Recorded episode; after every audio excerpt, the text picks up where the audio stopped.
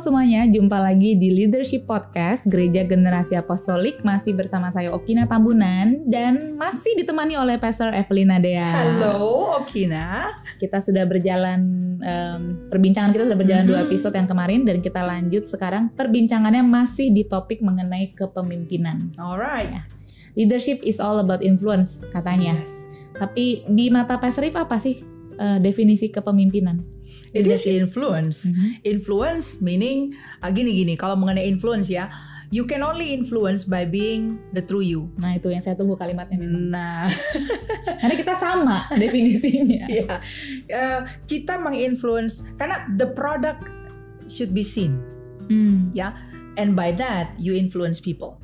Jadi agree. ya, jadi saya nggak bisa menginfluence orang kalau whatever I say has not been Hmm. tested on me. Betul. Ya, Orang tidak melihat di Pastor If yes, yes. gitu. Kalau mau kita bilang pakai istilah, I am the walking brand Betul. of whatever I'm trying to sell. Mhm, Ya, jadi if I sell this, I prove it first, mhm. which is why then it is safe to be followed gitu Betul, loh. Kan betul. produknya tidak ngeracunin saya. Betul. Dan itu lebih itu. fair untuk Iya. orang follow someone gitu karena who they are, who she is, Yes. dan we follow them. Right, itu right. lebih natural Hmm. dan juga komitmen, loyalty itu ada di sana. Right. Apalagi eh, dalam definisi kita yang kita komitkan hidup kita itu adalah visinya Tuhan. Mhm. Tapi Tuhan pakai bejana seorang manusia, seorang pemimpin untuk mengkomunikasikan hatinya atau visinya. Uh, I think saya highlight sedikit nih Ki. Kita pernah saya pernah hadirkan statement ini dalam salah satu pertemuan kepemimpinan kita. Uh, waktu itu saya tulis di board. If you recall, uh, ini bener nggak saya bilang gitu. I combine dari uh, dua pemikiran itu. Saya katakan leaders uh, are they born or developed Mhm. kan gitu ya. Ya. Uh, dan itu kemudian saya minta pendapat dari semua orang. Katanya "Iya, enggak dong kan mesti dikembangkan. Saya bilang ada yang setuju bilang iya lead- uh, leader is born gitu loh. Uh, enggak lah uh, a leader is developed Mhm. gitu kan. Nah kemudian saya munculkan statement yang ketiga. Mhm. How about thinking it this way? Mhm. Ya, a leader is born, but leadership needs to be developed. Ya. So that I think itu kemudian membuat kita secara legowo menerima bahwa setiap orang dilahirkan untuk menjadi pemimpin. Betul. Nah, kalau itu aja sepenggal istilahnya kan orang bilang kalau semua orang dipanggil eh, dilahirkan menjadi seorang pemimpin, siapa yang dipimpin, siapa yang memimpin Mhm. dong? Atau malah kita lihat tapi kualitas sebagai pemimpin kok beda-beda jadinya. Ah, Makanya memang itu sangat Iya. em, apa ya, masih belum penuh Masih belum penuh. penjelasannya. Nah, ini kan harus diurai lagi. Mhm. Uh, saya melihat bahwa setiap orang di, terlahir sebagai pemimpin. Mhm. Mengapa? Karena kepemimpinan itu adalah mengenai diri kita yang sejati. Betul. Sepanjang kamu komit menjadi Mhm. dirimu yang sejati, then you are only one. Betul. In a, in a sense, Betul. you will be leading Betul. because you are only one Cuma of satu. a kind. Jadi nggak ada kompetitor juga. Nggak akan ada Memang kompetitor, cuma satu. gitu Hmm. loh. Nah, pemahaman-pemahaman ini perlu dikembangkan, Hmm. which is why leadership needs to be Develop. develop. What is leadership? Mhm. The le- leadership adalah the ability to influence other. Ya. And the way you influence other is by being your true Betul, self betul, gitu loh. betul. Karena orang hanya mau mengikuti seseorang yang otentik. Iya. Pastinya dong. Saya hanya terinspirasi iya, dengan right, orang yang right, otentik right, gitu. right. Why why be a fake, you know? Betul. Nah, saat ini kita sedang berada di masa yang sulit ya, Pastor If. Mhm. Sebagai generasi milenial nih saya, katanya ini adalah generasi yang cukup tough menjalankan hidup ini karena kita mengalami krisis itu dua kali yang besar dalam hidup saya di usia perkembangan in my formation years. Your generation ya. Yes. Ya. Before 40 kita udah mengalami krisis yang luar biasa itu ada dua di usia-usia yang masih muda. Beda orang mengalami krisis di usia senior dengan orang yang mengalami krisis di usia muda dan ini krisis yang besar Mhm. bahkan masih cukup panjang ke depannya. Iya. Jadi saya nggak akan jelaskan lagi ya eh, bagaimana perasaan Pastor Eve dan lain-lain karena itu ada di perbincangan kita yang sebelumnya. Cuman waktu itu cukup menarik eh, Pastor Eve menyampaikan ungkapan hatinya dan situasinya seperti apa dan mengapa Pastor Eve melakukan apa yang Pastor Eve lakukan. Di masa di mana-mana kita semua online saat ini ya, eh, ada yang menarik sebenarnya. sebagai seorang gembala um, sepantasnya kan memang akan banyak muncul gitu. Apalagi Hmm. sekarang online. Gitu ya? muncul iya dong, muncul di layar kan dicari sama domba-domba melalui screen, melalui online. Hmm. Tapi saya melihat Pastor cukup jarang sebenarnya. Munculnya tuh di ibadah mingguan. Ya, ya. Right. Apa yang terjadi Pastor? Pastor ada di mana itu? Saya ada di belakang, Oh, Oke. di belakang layar. Oke. Uh, well, it come from um, an understanding ya. Buat saya, uh, how do I do my job gitu ya? Again, my job itu apa sih? Uh, managing asset kan. Mhm. Managing asset means uh, mengelola sumber daya manusia, orang-orang yang Tuhan percayakan ke dalam hidup saya Mhm. gitu loh. And I, I I try to put that understanding in every context yang saya lak yang saya kerjakan. Mhm. Jadi in everything that I do, Mhm. I'm mindful on that one particular thought. Mhm. Saya mau uh, tetap bisa guard my heart to really uh, apa ya punya punya uh, uh, apa ya personal conviction Mhm. dengan integritas to hold true Mhm. to that one particular job description Mhm. gitu kan. Nah, jadi when waktu itu kita taruh dalam konteks di tengah pandemi, lalu kita mesti bicara secara online. So where do I position myself Mhm. sebagai pengelola asetnya Tuhan? Mhm. Kan begitu. Mhm. Jadi ya of of course di ada online on- online streaming ibadah kita saya muncul Mhm. um, uh, suara gembala Mhm. gitu ya. I'm a deputy together with Pastor Indri kita muncul bersama-sama. Tapi uh, di dalam ratusan jam yang lain yang Mhm. tidak terlihat secara online, what do I do daily? Mhm.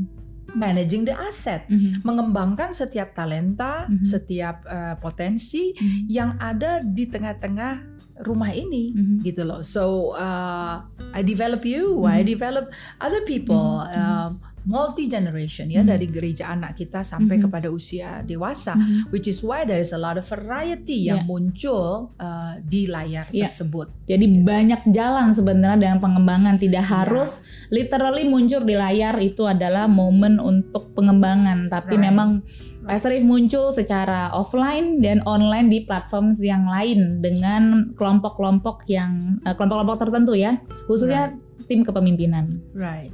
Nah ada yang menarik waktu Pastor If itu muncul di layar di ibadah online. Jadi setiap kali Pastor If muncul di ibadah online, dia kita perlu mempersiapkan hati ya. Ini apa nih?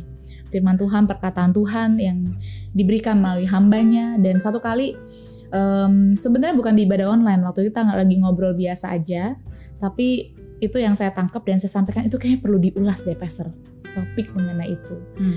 Jadi waktu itu kita sedang membahas em, dalam masa-masa banyak guncangan seperti ini dan kita menganalogikan situasi kita itu seperti dalam sebuah kapal. Ya. Kita sedang berlayar dari tempat yang sebelumnya di Ya. mana kita sudah familiar, kita Hmm. sudah nyaman, Hmm. kita sudah terbentuk Hmm. oleh situasi itu, setting itu, konteks itu.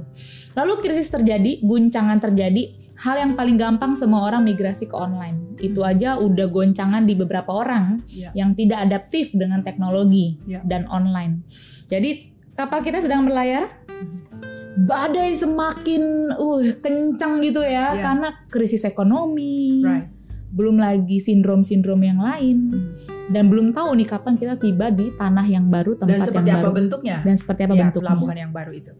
Waktu itu yang Pastor sampaikan di tengah badai yang ganas supaya kapal kita masih tetap bisa berlayar dengan baik dan tidak dihantam badai, tidak tenggelam bersama badai itu ada barang-barang yang perlu dibuang. Mhm. Ya, itu analoginya seorang pelaut itu tahu cara ini. Dia akan membuang barang-barang yang less valuable, yang tidak terlalu berharga, itu yang akan dibuang di luan, yang berat dibuang di luan. Hmm. Lalu ada kelanjutannya. Nah, coba Esther bisa dijelaskan Nah, itu munculnya seperti apa em, Pemikiran itu ya. leadership lesson ya. Ya, Eh, again Tuhan akan pakai eh, pembahasan-pembahasan yang quite familiar with me, Betul. gitu ya. Of course, kalau saya sebut itu not because saya pernah berlayar di samudra, gitu ya. But I watch movies, I Iya. watch things, you know, Kita negara- kita negara ya. maritim, kita negara maritim, negara bahari. cocok lah Iya. dengan analogi itu, gitu kan. Dan eh, there are scenes that I, that I watch, you know, uh, pada saat badai menghantam, people throw things out. Dan apa yang mau dibuang dari kapal gitu ya nggak mungkin yang dibuang adalah persediaan makanan dong ya Betul. apalagi kalau daratan yang baru belum tahu nih berapa hari lagi akan Hmm. nyampe atau sebulan atau Hmm. dua bulan Hmm. nggak mungkin yang dia buang adalah karung-karung gandum atau karung-karung beras Hmm. nanti nggak ada makanan gitu kan Hmm. nah apa dong supaya supaya kapal ini tetap survive terus Hmm. selamat gitu ya ya mungkin kamu akan buang eh, peti-peti peti-peti pakaian atau atau apa yang lain Hmm. boxes yang buku-buku Hmm. mungkin Hmm. akan dibuang gitu tapi Hmm. jangan makanan Hmm.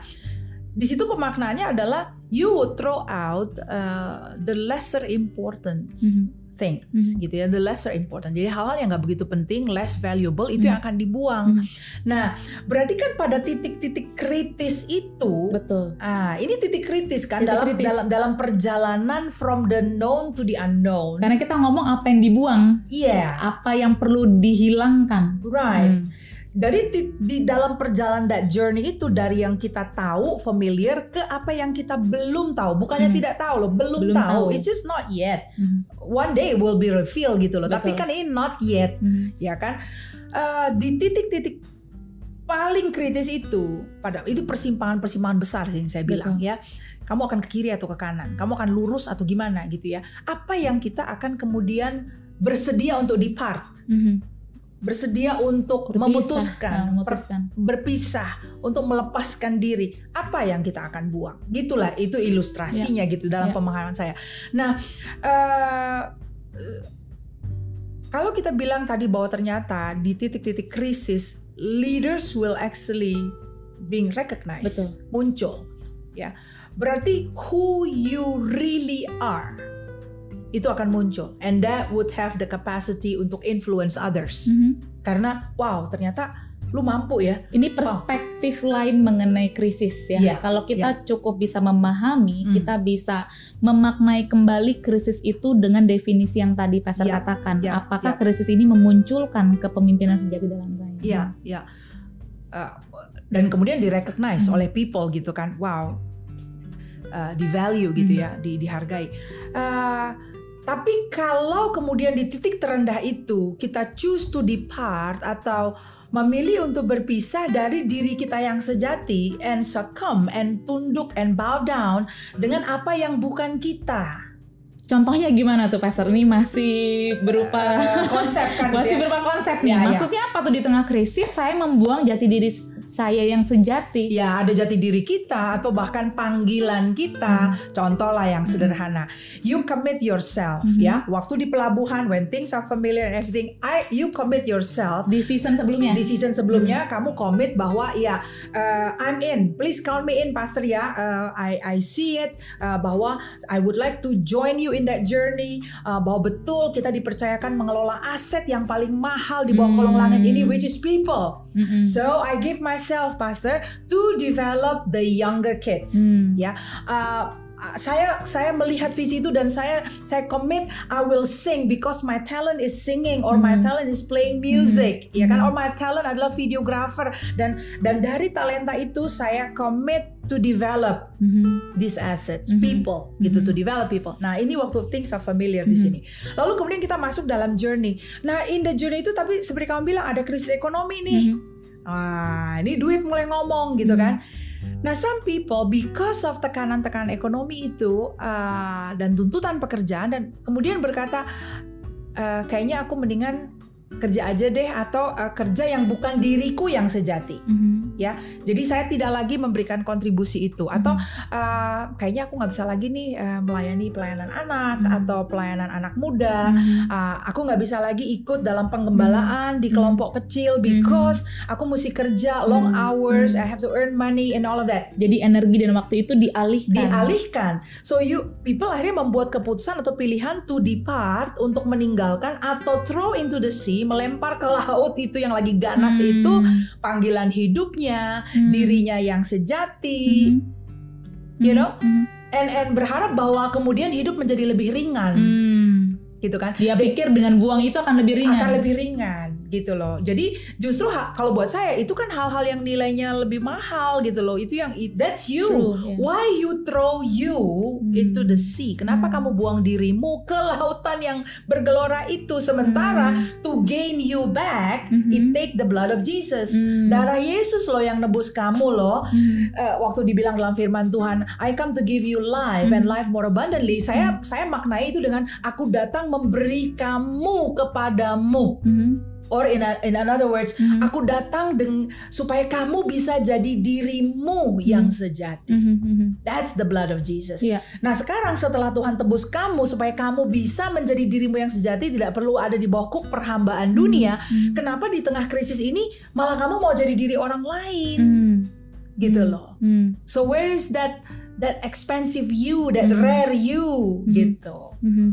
Dan itu yang kita saksikan ya di tengah-tengah masa krisis ini dan kita temukan bukan untuk menghakimi namun akhirnya kita bisa mengetahui di sisi itulah sensitivitas manusia. Kembali lagi tadi kan sebagai tanggung jawab. Saya mau bilang gembala itu menjadi sebuah job desk atau gimana kayaknya juga kurang tepat ya. Karena terlalu luas sebenarnya kalau kita mendeskripsikan seorang gembala. Namun memang ini yang kita deal dalam kehidupan kehidupannya pastor mendengar eh, laporan penggembalaan, mendengar kondisi orang-orang dan tetap memastikan berintegritas di hadapan Tuhan bahwa tidak eh, saya tetap akan memimpin umat Tuhan dalam dirinya yang sejati. Iya, iya. Dan saya melihat bagaimana pastor mencoba mengartikulasikan pemahaman tadi, konsep tadi Mhm. dan puji Tuhan we gain back gitu ya. Kita ya, em, ya, praise God. pemimpin dan jemaat kita memilih pilihan yang tepat, yang benar, Ya. yang benar ya. Yang benar. Tidak membuang dirinya yang sejati,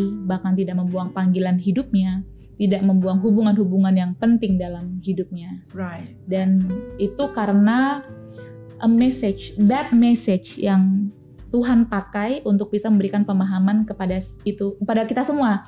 Di situ yang saya melihat wow peranan seorang gembala luar biasa untuk bisa membawa keselamatan bagi kehidupan orang. Coba kalau tidak ada yang menyampaikan kebenaran itu, Mhm. ya kita kehilangan segalanya jadinya kan udah kehilangan diri kita. Right, right. Ya. Thank you Pastor If em, sudah membagikan di episode kali ini mengenai kepemimpinan dan kita akan melanjutkan di episode berikutnya.